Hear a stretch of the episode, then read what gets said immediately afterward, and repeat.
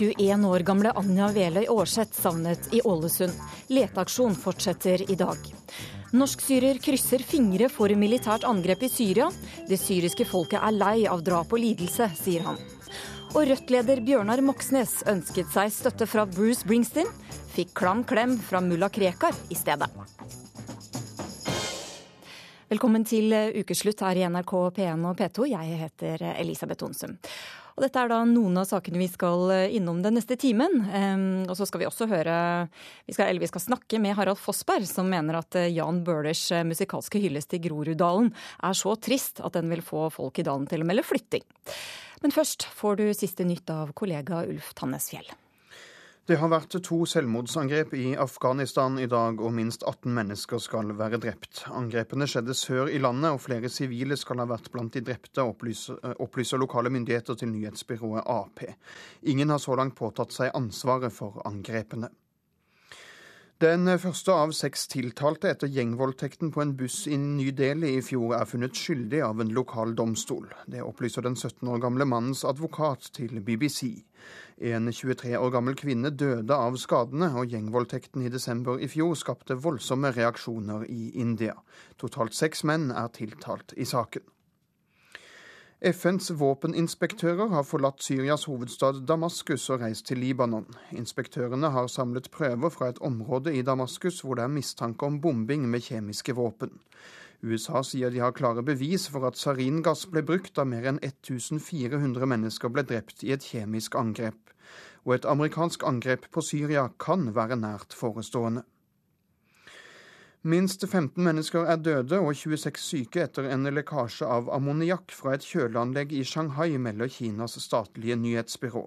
Kjøleanlegget tilhører et selskap som driver med sjømat. Den to år gamle gutten som ble bortført av sin egen mor fra en barnehage i Nes i Akershus på torsdag, er funnet. Moren, som bor i Hedmark, tapte omsorgen for sønnen i en rettssak på tirsdag.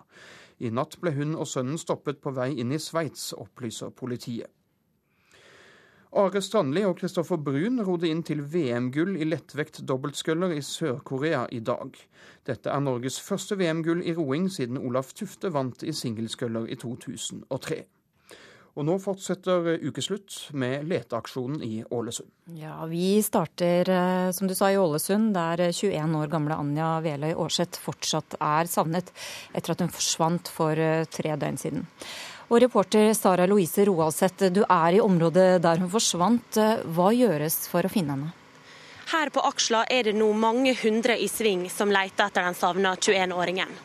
De leter fortsatt med full styrke.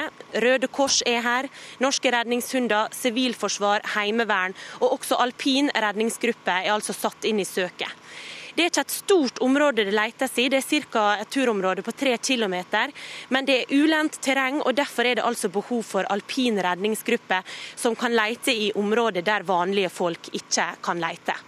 Hvor lang tid regner man med at det kommer til å ta å gjennomsøke området? Nei, Politiet mener nå at de på, har altså finsøkt over 70% men akkurat hvor lang tid det vil ta å finsøke hele området, det kan ikke de si sikkert akkurat nå. Politiet har fått bistand av Kripos, hva vet du om det? Det de sier er at eh, Vi vet jo at det ankom to etterforskere fra Kripos i går ettermiddag.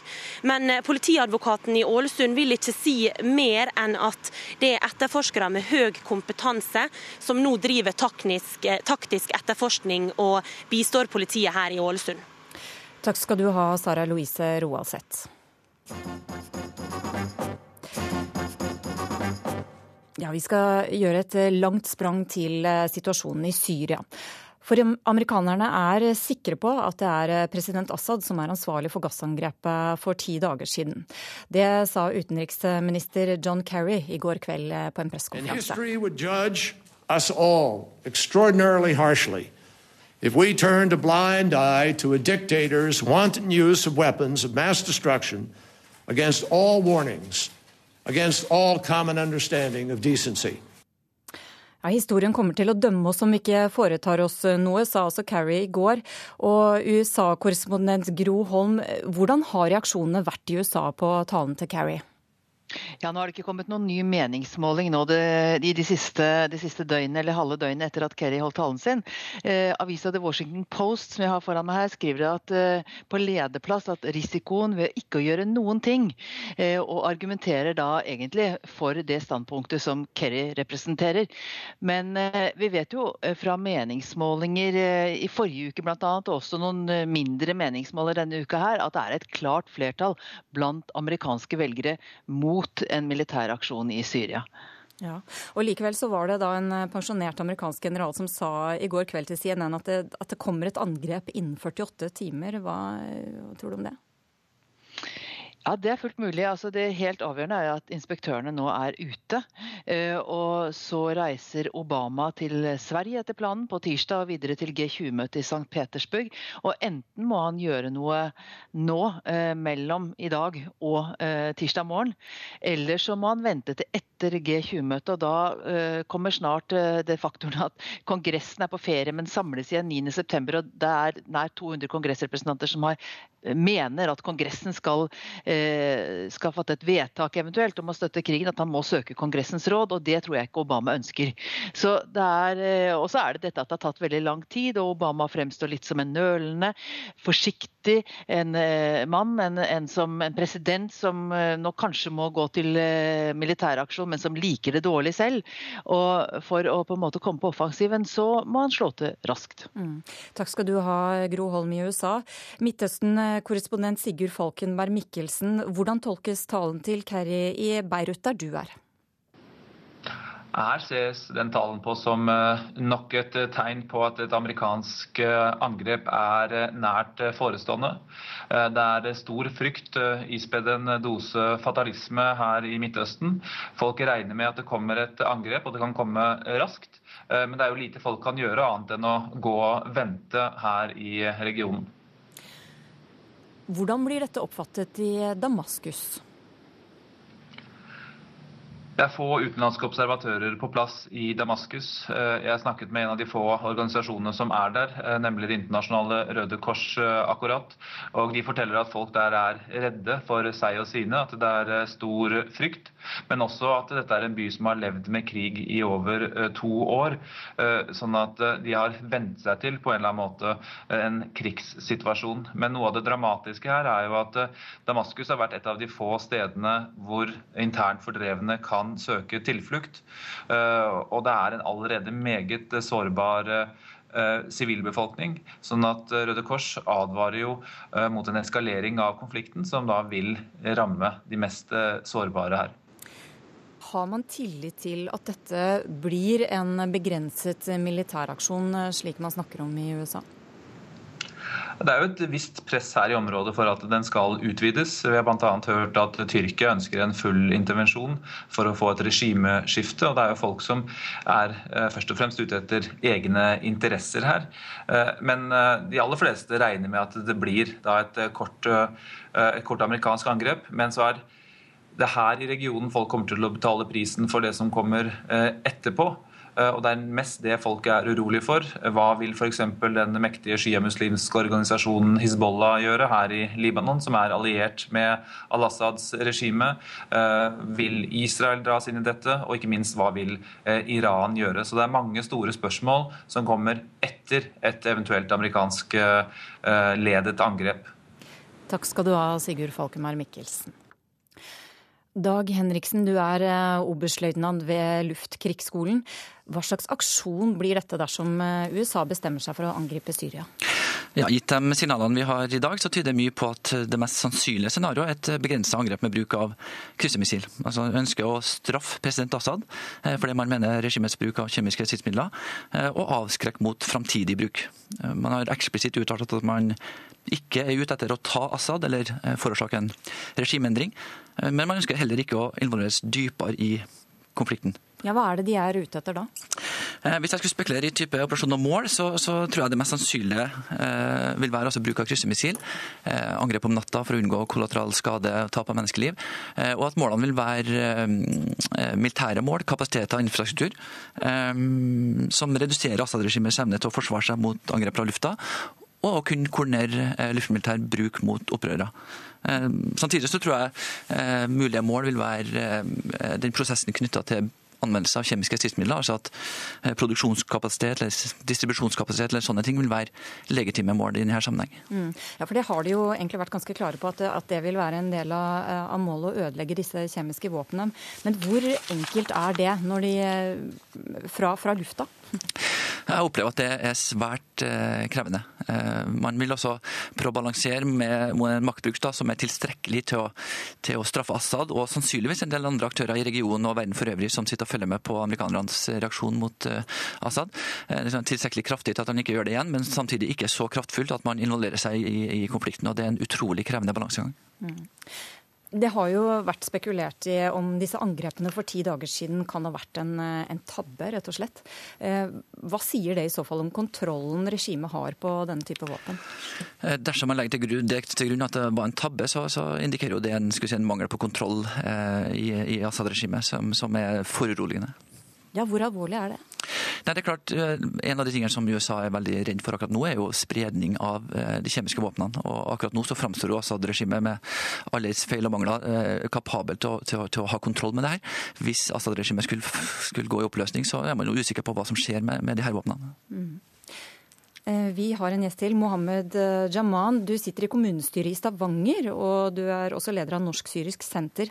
Du har familie i Syria og har nettopp vært i kontakt med dem på Skype. Hvordan ser de på at eh, USA mest sannsynlig kommer til å angripe Syria nå før eller senere? Ja, det er min familie som alle andre eh, familier og befolkninger for øvrig i Syria. Så de er spredt i hele både i Syria og nabolandet. Både i Tyrkia, i Kurdistan, Irak. Så det er, situasjonen er uh, uoversiktlig blant befolkningen. Men når det gjelder angrepet, jeg må si at uh, fleste eller flertallet av befolkningen vil gjerne ha slik angrep. Og at, slik at denne angrepet går for regimeskifte. Mm. Men hvordan forbereder de seg nå på et eventuelt angrep? Forberede seg og forberede, det er uh, total uh, ødeleggelse i dette landet nå. Mm. Hvor man kan forberede seg. Det er ikke noe sted å gjemme seg. Det er ingen muligheter. Det er bare at de er redde, og de venter og håper at at det kan komme den angrepet endelig.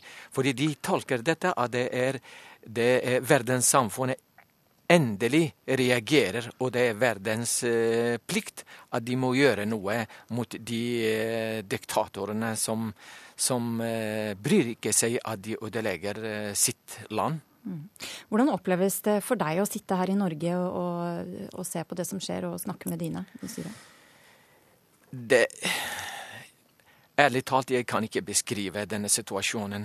Vi eh, opplever For oss det er eh, rytme, Det er ikke lenger eh, ikke noe i balanse. Vi, eh, vi, kan, vi, vet ikke når vi skal sove, når vi skal følge nyhetene, når vi skal snakke med de.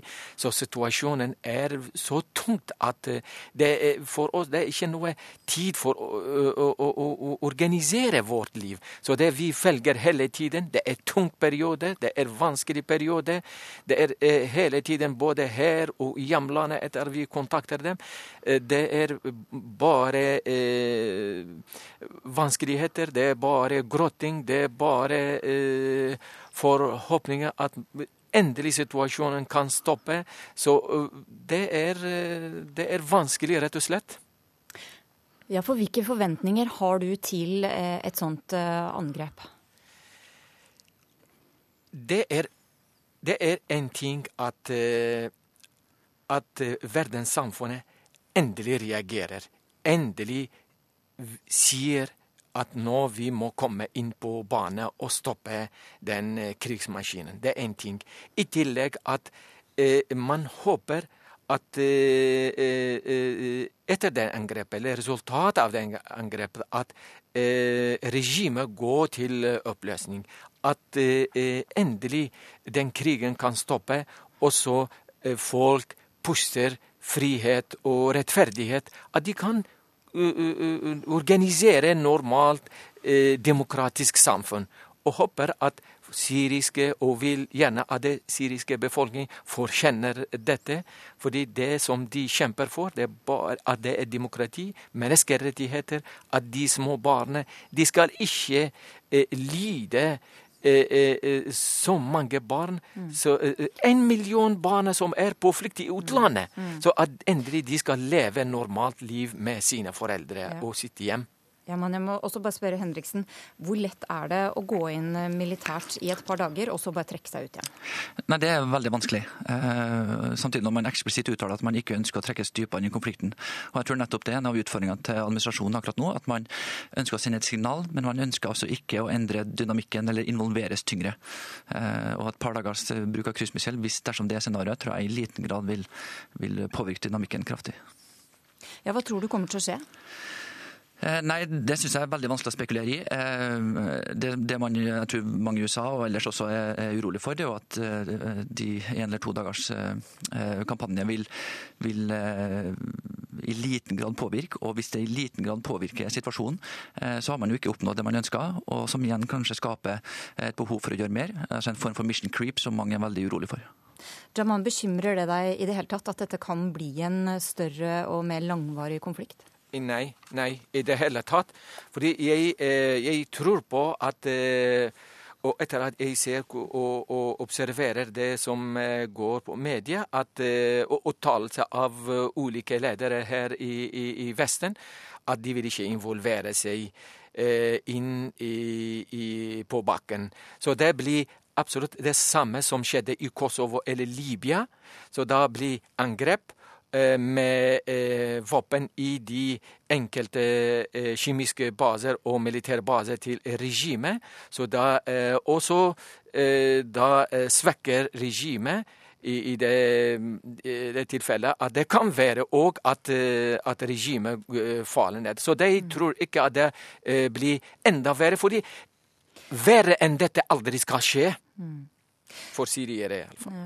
Takk skal dere ha, eh, Mohammed Jaman og Dag Henriksen. Minst 100 norske krigsveteraner er bostedsløse, ifølge en rapport som ble offentliggjort denne uka. Anders Grindaker i veteranforbundet SIPOS frykter at mange av soldatene som har tjenestegjort i Afghanistan, kommer til å bli en del av denne statistikken om myndighetene ikke tar grep.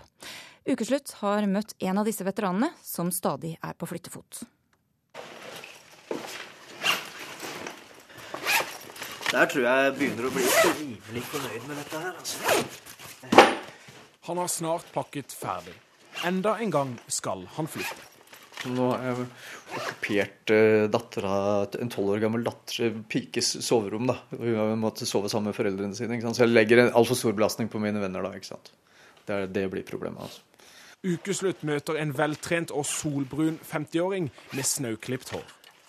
Rommet han har bodd på i det siste, har Justin Bieber-plakater på veggene og tilhører datteren til en kamerat. Regninger og husleie blir for mye å tenke på når deler av sinnet er igjen i krigen. Eh, ni år siden jeg møtte veggen. Hva har du gjort i ni årene? Flakka rundt. Var du gift for ni år siden? Ja, det var jeg. Hvordan endte det? Um, nei, med skilsmisse. Denne uka presenterte Norsk institutt for by- og regionsforskning en rapport som slo fast at 100 norske krigsveteraner er bostedsløse. Altså uten et tak over hodet som de selv eier eller leier. Nei, jeg falt jo ut uh, fra min jobb i Forsvaret i, i ca. 2000. Uh, Pga. ettervirkningene fra Libanon, da, selvfølgelig. Selv om det nå er mange år siden Libanon, så preges han fremdeles av det han opplevde der. Det er jo en uh, altså panikkangst. Det er jo liksom en dødsangst, da. Eh, men alle er vel redd for at noe skal skje en. Jeg hadde i en periode i livet mitt uh, den følelsen veldig mange ganger i løpet av en dag. Angst og vrangforestillinger gjorde det umulig for ham å bli stående i jobb. Sykle på jobb tidlig om morgenen, så tidlig på morgenen at det ikke det er, ikke, det er ingen andre som har sykla på sykkelstien. Og da er den ikke mineklarert, så da sykler man i veibanen det er ikke minelagt sykkelsti mellom Hamresanden og Kjevik flyplass. Altså. Hvilke diagnoser er det du har? Jeg burde jo dra fram den bunken jeg har da fra diverse. Men eh, det, er, det hviler på flere diagnoser, da. Men i utgangspunktet så er det da posttraumatisk stressyndrom som liksom er dominerende, da. Posttraumatisk stressyndrom ses best på som en eh, i utgangspunktet naturlig reaksjon på unaturlig belastning som ikke har gått over. Jon Reichelt er psykiater, oberstløytnant og sjef for psykiatrien i Forsvaret. Det er en klar sammenheng mellom bostedsløshet og psykiske problemer og rus især. Det henger dessverre ofte sammen. Og det er et uttrykk for at dette er mangefasetterte problemstillinger, hvor du har liksom livet havarert på veldig mange områder. Reichelt understreker at både psykiske og fysiske skader er en del av krigens drøye kostnad. Jeg vil understreke at man sender ikke folk ut i krig fordi det er helsebringende. Det må være helt klart. På samme måte som man må være villig til å risikere at noen blir drept og fysisk skadet, så må vi også være klar over at noen blir psykisk skadet av å delta i krig. Sånn er det dessverre bare. Dette tror jeg pakker like før jeg går. Altså. Det er en situasjon hvor vi blir tatt til fange av PLO når vi er ute på patrulje, og vi får eh, Klasjnikov i nakken og ligger på bakken, og det er skriking og skyting i lufta. Det, en veldig, ja, det var en veldig variabel stressnivå på det. rett og slett. Så Det er den ene enkeltepisoden som kanskje sitter, har brent seg veldig fast. da. Stridsopplevelser som denne gjorde at livet etterpå ikke gikk som planlagt. Falle ut av jobb det jeg begynner på min egentlige karrierestige i Forsvaret da. Jeg skulle vi ideelt sett ha hatt rekkehus og stasjonsvogn og labrador og kone og barn og en A4-tilværelse for så vidt, da, men ja takk. Jeg skulle gjerne hatt det.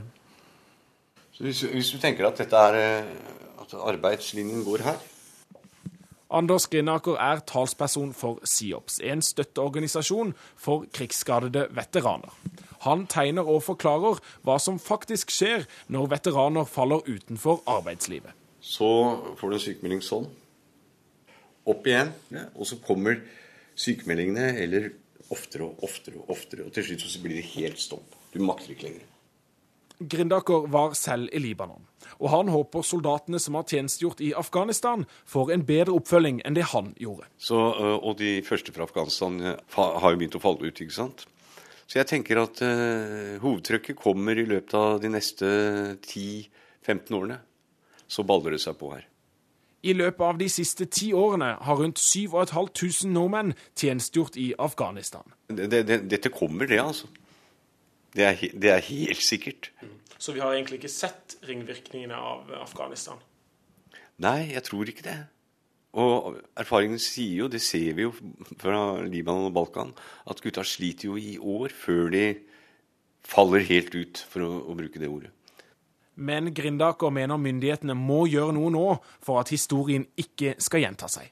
Hvis, nå, liksom, hvis man ikke tar revisegnene, så går det med Afghanistan-generasjonen som det gikk med Libanon og Balkan. Det gikk jo dårlig, ikke sant? Det var altså, det, ikke noe hjelpeapparat, ikke noe fokus, ingenting.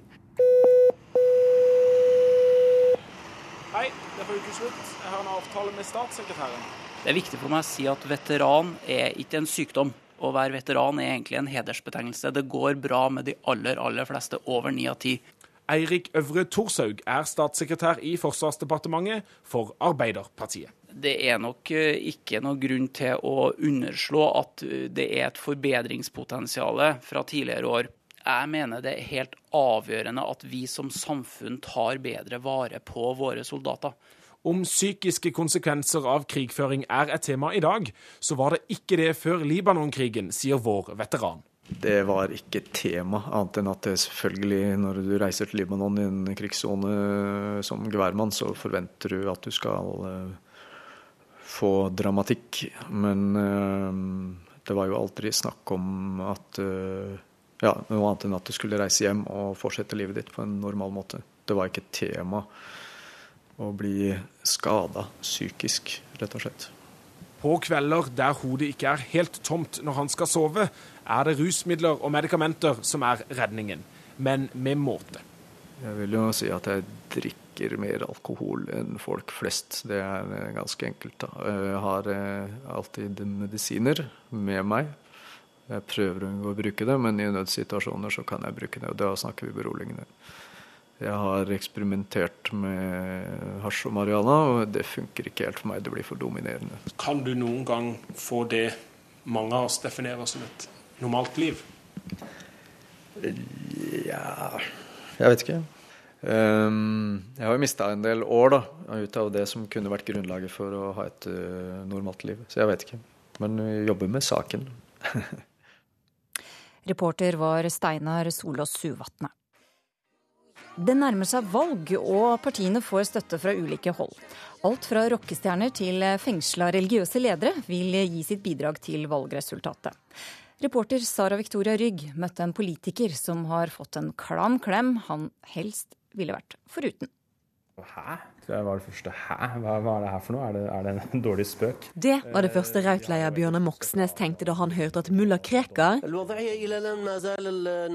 denne veka, i et brev han hadde skrevet for fengselscella si, var folk røyste Raut, Arbeiderpartiet eller SV. Altså, det er mulig at Krekar liker Rødt, SV og Arbeiderpartiet, men jeg tror ingen av oss uh, liker han. Kjendisene elsker å blande seg inn i valgkampen. Åge Aleksandersen og DDE deler gjerne ut roser for Arbeiderpartiet. Jens Pikenes støtter Høyre med sang og spel. Drillo har sagt at han heier på Raut. Artist Lise Karlsnes vil ha ei rød-grønn regjering. Og denne veka sa Ole Paus at nei, han skal ikke gi si røys til Arbeiderpartiet, men til I mitt drømmescenario så sitter Kristelig Folkeparti på vippen. da kan de kanskje få et slags gjennomslag. Hei, Siv. Det er så gøy vet du, å treffe deg. Du har kjøpt kjole av meg. Siv Jensen ble nok også glad da hun denne veka bladde opp i noen av landets største aviser og så svære annonser for Frp som hun ikke hadde betalt for sjøl. En av Norges rikeste menn, Olav Thon, heiv seg inn i valgkampen og sa røyst på Frp. Ja, det var koselig, altså. Noe helsides annonse ble det ikke på Miljøpartiet De Grønne. Men de får konsert med mellom andre DumDum Boys og De Lillos. Hei, politiker, kom igjen. Hei, jeg heter Lars Lundevall, og jeg spiller gitar i De Lillos. Vi støtter Miljøpartiet De Grønne fordi vi syns at Norge trenger et miljøparti. Og politikerne jubler for støtta. Jeg syns det er utrolig flott at de fire store i norsk rock for første gang spiller på samme scene for å bidra til et grønt gjennombrudd. Det er veldig flott at Ole Paus vil stemme på KrF i år. Jeg ble veldig stolt da jeg så den annonsen som Olav Thon rykket inn i flere av landets aviser. Dette er en hedersmann, og at han ser eh, verdien i Fremskrittspartiets politikk, det er jeg veldig glad for. Ja, ikke alle politikerne jubler for støtta, forresten.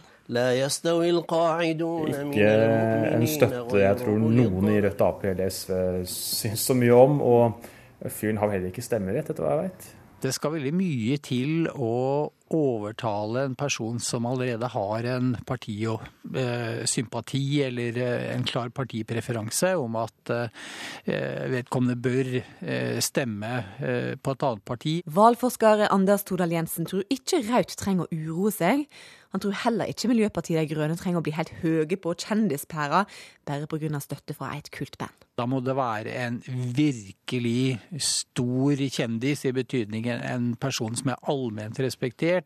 Hva kjendis snakker vi om da?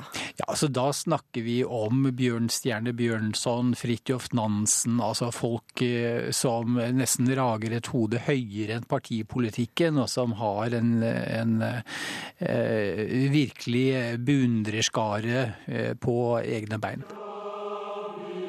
Det blir vel neppe helt enkelt å få Bjørnstjerne Bjørnson med på laget før 9.9. Tilbake til Raut-leder Bjørnar Moxnes. Han som ikke var fullt så heldig med kjendisstøtta. Han som fikk en klam klem fra Krekar, husker du. Hva kjendis vil han helst ha støtte fra i valgkampen, mon tru? Eh, det beste ville vært hvis eh, Bruce Springsteen kunne sagt eh, 'vote for Moxnes'. Da hadde jeg, det hadde vært enormt. Han backa jo Obama. Let's re-elect President Obama. Arbeiderpartiet er helt sikkert ikke superhappy for å få støtte fra mulla Krekar, de heller. Eh, nå har jo de kanskje brukt en litt annen taktikk denne uka. De har fått eh, Jan Bøhler til å synge litt igjen og spille gitar i eh, nesten bare overkropp. Kunne du gjort noe sånt for å få oppmerksomheten vekk fra mulla Krekar-sporet og inn igjen på rødt? Altså spilte inn en låt som setter verdensrekord i pinlig dårlige ende, endevers og, og refreng. Eh, nei, jeg har ingen plan om å spille inn en låt eller gå eh, naken på henda ned Karl Johan. Du er bra, samme hva det skal du ha, vet du hva. Du er vill, men så snill Ja, her hørte du altså til slutt eh, en snutt av eh, Jan Bøhler eh, i singlet fremføre låta 'Groruddalen'. Og den eh, låta skal, den blir tema litt senere i Ukeslutt. Du hører på Ukeslutt i NRK P1 og P2. Fortsett med det og hør at ni år gamle Selma lever med rusmisbrukere og psykisk syke som naboer. Men Oslo kommune sier nei til å flytte henne og familien. Og Harald Fossberg blir lei seg av musikkvideoen til Jan Bøhler, men Arild Rønsen mener låta er helt innafor. Vi skal til en sak som har fått en del oppmerksomhet denne uka. Eh, Det er nemlig sånn at eh, rundt 20 000 barn bor i kommunale bygårder. Noen steder er forholdene svært kritikkverdige. I NRKs radiodokumentar Oppgang 13 hører vi hvordan ni år gamle Selma må leve i frykt for naboer som bruker våpen, selger narkotika og tar overdoser. Tannkrem.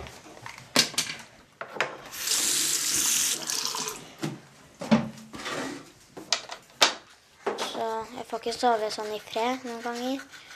Og da må jeg liksom kanskje helt, være helt lenge våken. Det skremmer meg med at folk liksom legger seg i trappene og de skriker. Det kommer noen bilder i hodet f.eks. en kniv, et blod. Liksom, de kommer til meg for å gjøre noe galt. Selma har bodd i oppgang 13 sammen med tre mindre søsken, mor og far, i litt over tre år. Når jeg skulle gå ut til skolen, så var det blod i trappene. Og da ble litt lillebroren min litt skremt, fordi han tror liksom at det er mye mer skumlere enn det er.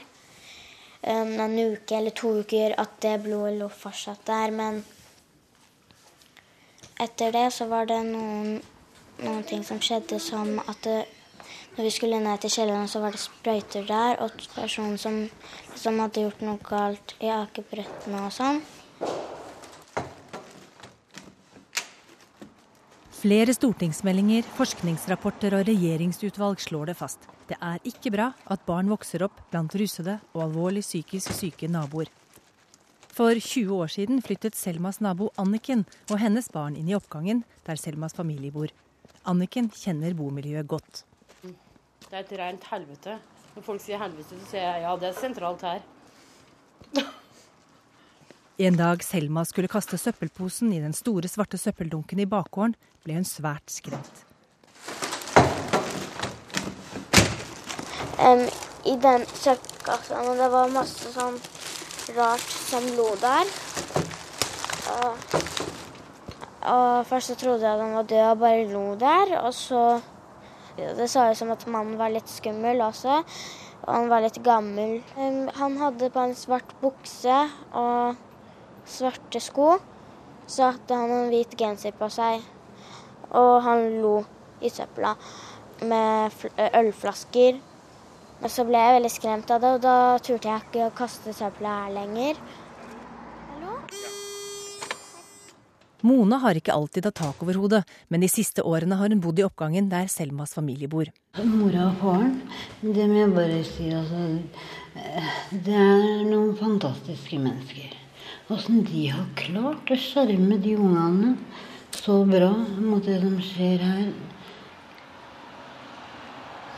Ja, det er helt Det er noen utrolig fine barn. Jeg har sett litt av hvert det her og der. To ganger har han søkt på ny leilighet og fått avslag. Jeg søkte om ny leilighet og fikk ja første gangen. Det er sånn at eh, den leiligheten jeg får, det er sånn at jeg har lyst til å gi den til de, ikke sant. Selma er ett av over 20 000 barn i Norge som bor i kommunale boliger. Mange av dem vokser opp med rusede og truende naboer i en virkelighet barn ifølge norsk lov skal være skånet fra. Bare i de kommunale boligene i Selmas nabolag vokser det akkurat nå opp 72 barn. I politiloggene står det om narkohandel, overdoser og skyteepisoder fra den oppgangen Selma bor i. Familien til Selma har fått avslag på søknaden om en bedre egnet bolig to ganger, men Selma har likevel håp for framtiden og et bedre sted å bo. Sånn jeg vil skal bo i et sted, så veldig stille folk og ikke er sånn helt syk i hodet, eller ikke så masse krangling eller sånn tyvegreier, eller mye mer stille, at de ikke dunker på, at de nesten hele bygningen er sånn kjenner hverandre og sier hei, og en som er skummelt, eller dørene blir knust, eller noe sånt.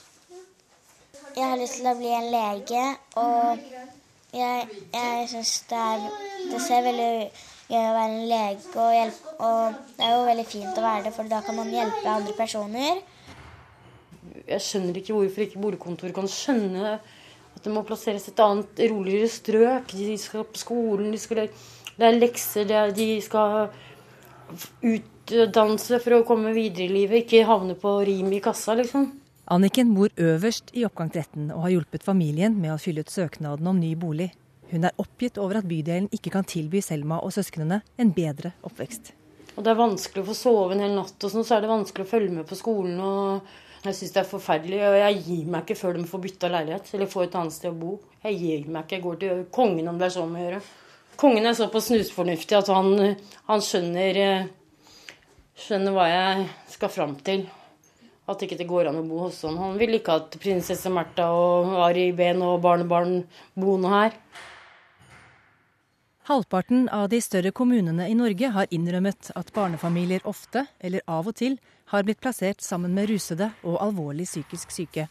Bare Oslo kommune mangler over 2500 boliger til vanskeligstilte. Ifølge Høyres sosialbyråd Anniken Hauglie er byrådets strategi bl.a. flere tilpassede boliger. Ingen vil at barnefamilier skal bo sammen med tung ruspsykiatri. Eh, det betyr at, at den strategien vår med å få personer med ruspsykiatri ut av den kommunale boligmassen er viktig. Det er viktig for rusutbrukerne selv, som eh, bør få noe annet enn det de får. Men det er minst like viktig for de som bor i de bomiljøene. Jeg føler meg sikker på at når man klarer å få til flere tilpassede boliger for rusbrukerne, så vil det også gjøre bomiljøet enklere i de kommunale boligene. Det sa sosialbyråd i Oslo Anniken Hauglie. Reportasjen var laget av Beate Riser og Anne Winning. Og hele dokumentaren som de to har lagd er tilgjengelig på NRKs nettsider, eller du kan høre den i morgen klokka 21.03. Det er ikke sikkert Jan Bøhler visste hva han satte i gang da han stilte opp i singlet i denne musikkvideoen. Ap-politikerens kjærlighetserklæring til Groruddalen har vært sett over 30 000 ganger på YouTube. Hel, ingen trel, ikke kvel din store sjel. Du er stor som en bror. Holder ord, så gå om bord. Groruddalen kommer ut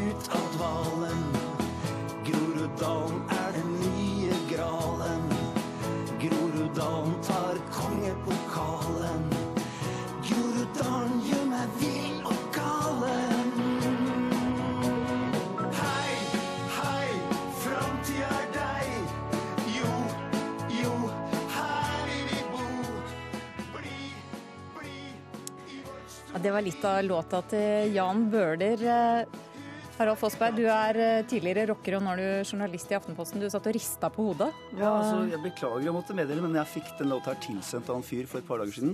Jeg hørte på den én gang, tenkte at dette er tre minutter jeg aldri kommer til å få tilbake i mitt liv.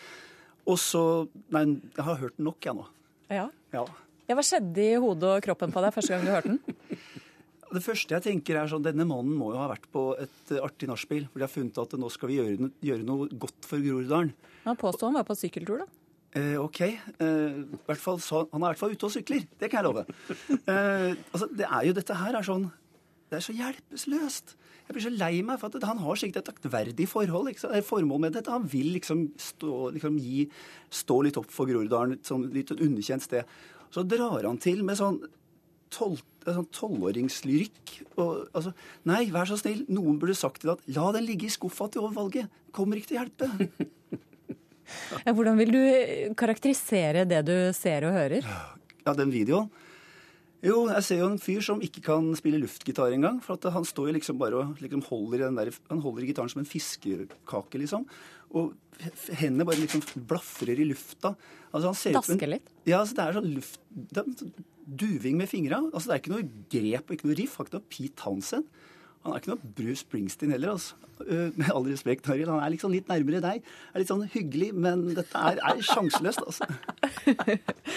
Arild Rønsen, musikkjournalist, hva syns du om eh, den eh, sammenligningen? Jo, altså jeg syns ikke det gjør noe, jeg. For jeg syns at altså, det, dette her, han har greid å skape mye, mye oppstuss om seg sjøl. og det er et stunt. Altså, I en verden som eh, Nå vet jeg at Harald har spilt mye punk. Det er, det er kanskje for mange grep for den, egentlig, for det, der er det bare plass til tre. Men, men, saken er jo at altså, låta er sånn, sånn musikkfaglig sett helt OK. Det er et stikk der som er passer liksom, til, til Det er lagd på en ordentlig måte. Og, og når, altså, vi lever i en verden der hvor eh, noen av våre største popstjerner, Rihanna og Beyoncé og Madonna og sånn, ikke synger på scenen. Jo, Madonna synger litt. Det er derfor det er så surt innimellom. Men, men, men dem, altså, når, de har, når de har lov til det, så må det være lov for politikere i Norge til å lage en, en video hvor du ser at han ikke helt har grep om gitarspillinga si. Det syns jeg jo. Jeg syns han har gjort det på en ganske morsom måte. Og heller ikke, heller ikke rima syns jeg er helt, helt hårreisende. Her om dagen så satt jeg og oversatte Bruce Springsteens I'm On Fire. Hm. Ta fra den, du, Fossberg. Det er greier, skjønner du. Jo, jo, men altså, Springsteen har jo liksom Der er det i hvert fall noe sånn der, altså, Det er noe ordentlig og ektefølt. Dette her blir litt sånn rotete, snilt og bortings. Altså, hans, altså, for å si det Jeg sånn tar frem noen eksempler fra teksten. Ja, skal vi gjøre det? Ja. Ok. Altså, du er Altså, du er passe, passe, passe, så hva skal vi med masse? Den saken splitter naken, det fins ikke maken.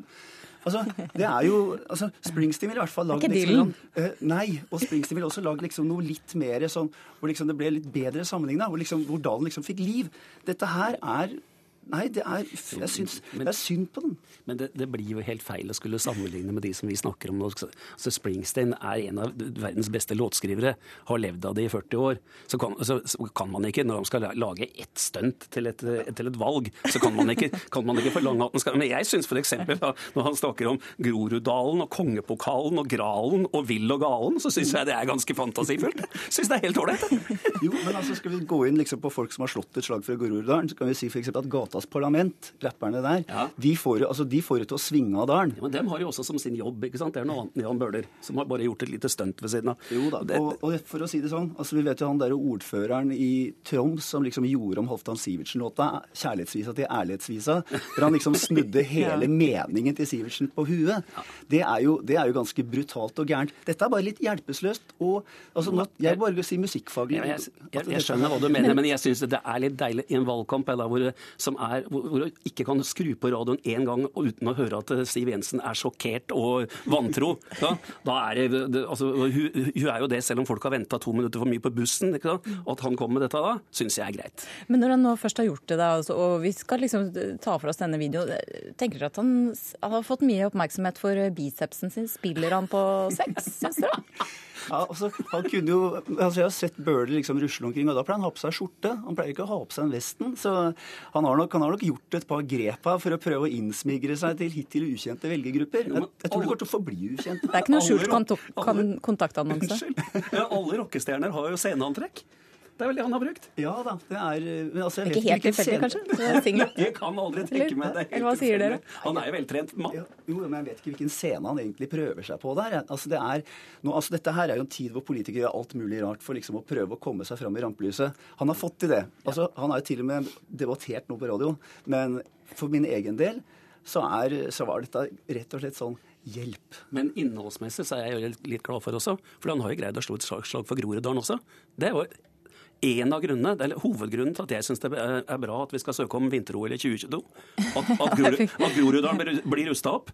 Og han, han er jo han er sannsynligvis den eneste på Oslo-benken på neste Stortinget som bor i Groruddalen. Men du, altså, det er jo sånn at eh, Groruddalen, for å liksom heve omdømmet altså, Denne helga her så er det noe som heter granittrock som foregår oppe i steinbruddet. Og der kommer det opptil 10 000-15 000 folk. Jeg mener at Det gjør mer for Groruddalen enn lokalpolitiker som står og spiller luftgitar. Jeg tror du at eh, folk er stolte av å komme fra Groruddalen eh, etter dette? Det hever statusen?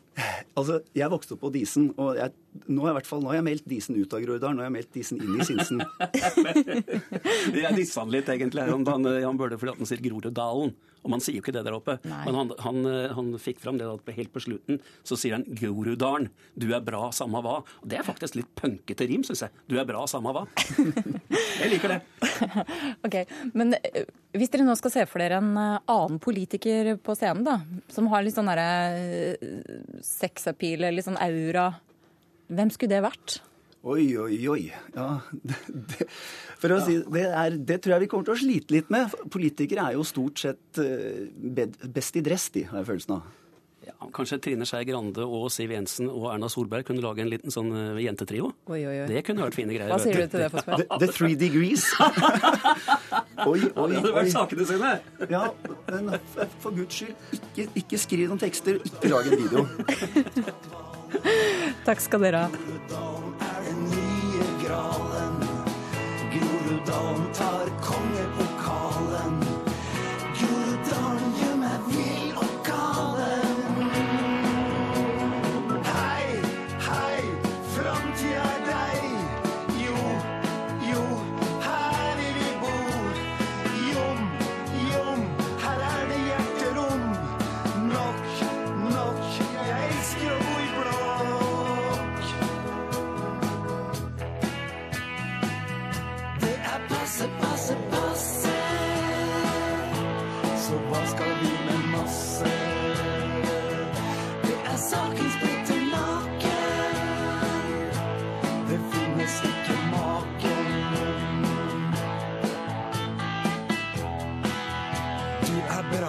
Bra, samme hva. Det skal du ha. Jan Bøhler med Groruddalen, var det. Vi eh, skal holde oss til valgkampstunt eh, litt til, for på Bjølsen skole i Oslo eh, gjør barn og unge seg klare til å grille politikere. Og reporter Dana Vanunu, hva er det som skjer der nå? Jo, her inne i gymsalen på Bjølsen skole er politikere fra alle ungdomspartiene godt i gang med å rigge opp panelet der de skal sitte og prøve å forklare uten luftslott og tåkeprat hva akkurat deres skolepolitikk egentlig går ut på i en direktesendt skoledebatt som NRK Superarrangerer. Og eh, her begynner skoleelevene fra 5., og 6. og 7. trinn så vidt å strømme inn i salen med kritiske spørsmål til bl.a. AUF-leder Eskil Pedersen. Ja, Hva slags spørsmål er det de er opptatt av? Ja, Det skal vi straks få vite, for eh, jeg har fått med meg Anna, Ingvild, Priti og Emma fra 7. klasse. Og hva har dere lyst til å stille politikerne spørsmål om? Eh, Jeg har tenkt å spørre dem om eh, inneklima og liksom om det som er dumt eh, når det er dårlig inneklima, sånn at folk ikke kan konsentrere seg ordentlig. Er det veldig dårlig inneklima her på Bjølsen skole, syns du? Nei, jeg syns ikke akkurat det, men noen ganger så er det jo veldig ofte folk i klassen som bare må gå ut og gå på do eller noe sånt, fordi enten så er det jo fordi de ikke de kjeder seg, men det kan jo også være fordi det er dårlig inneklima. Og veldig ofte så er det folk som får vondt i hodet og alt det der, som må gå hjem. Har dere noen andre spørsmål eh, til politikerne dere gjerne vil ha svar på? Eh, Jeg skal spørre om hvorfor vi ikke får gratis skolemat. Eller ikke gratis, men eh, varm skolemat. Fordi vi er et ganske rikt land, og det er mange andre som har varm skolemat, som er mye fattigere enn oss. Og Tror du det hadde liksom gjort eh, skoledagen annerledes for deg om du hadde fått den eh, varme skolematen? Mm, kanskje ikke sånn kjempemye, men det, jeg hadde merka forskjell. Hadde liksom fått mer energi og sånn. Ja. Um, ja, jeg er egentlig bare reserve for Emma, da, men eh, ja, jeg syns også det hadde vært ganske deilig å få varm mat på skolen, fordi det er jo sånn Sverige, sånn, Sverige som er liksom nabolandet vårt, får sånn varm mat. Men det er litt rart at ikke vi får det. Hvilke andre ting er det viktig å spørre politikerne om, da? Eh, Jeg skal spørre om eh, hvordan innføring av karakterer påvirke de som sliter på skolen allerede. Ja, vil du ha karakterer eh, på barneskolen? Eh, Nei, for jeg syns vi burde ha på ungdomsskolen, så vi kan øve til eh, 8. klasse, 9. og 10. Fordi i barneskolen så kan vi liksom ha prøver som hjelper oss til ungdomsskolen, men ikke karakterer. Kunne du tenke deg å bli politiker selv da, når du nå snart skal møte alle disse ungdomspolitikerne? Kanskje. Jeg vil sånn noen ting, eller ja. Ja, tror det. Eh, ja, eller jeg ville kanskje um, Kanskje være politiker, men uh, jeg syns det kanskje er litt bedre å høre på politikerne enn å være en selv, på en måte. Ja, og da gjør vi oss straks klare her på Bjølsen skole til å eh, grille politikerne. Og du kan følge skoledebatten fra Bjølsen skole direkte på NRK Supers nettsider fra klokka to. Takk til politikerspirene på Bjølsen skole og til deg, Dana Vanunu. Det var ukeslutt. Denne sendingen går i reprise i ettermiddag i Alltid nyheter klokka 16.03. Og så er vi glad for eh, folk som kontakter oss på Facebook eller på e-post for ris eller eh, veldig gjerne ros også, selvfølgelig. Ansvarlig for denne sendingen var Kari Li, teknisk ansvarlig Hanne Lunås, skript Lars Christian Rød, og jeg heter Elisabeth Onsum.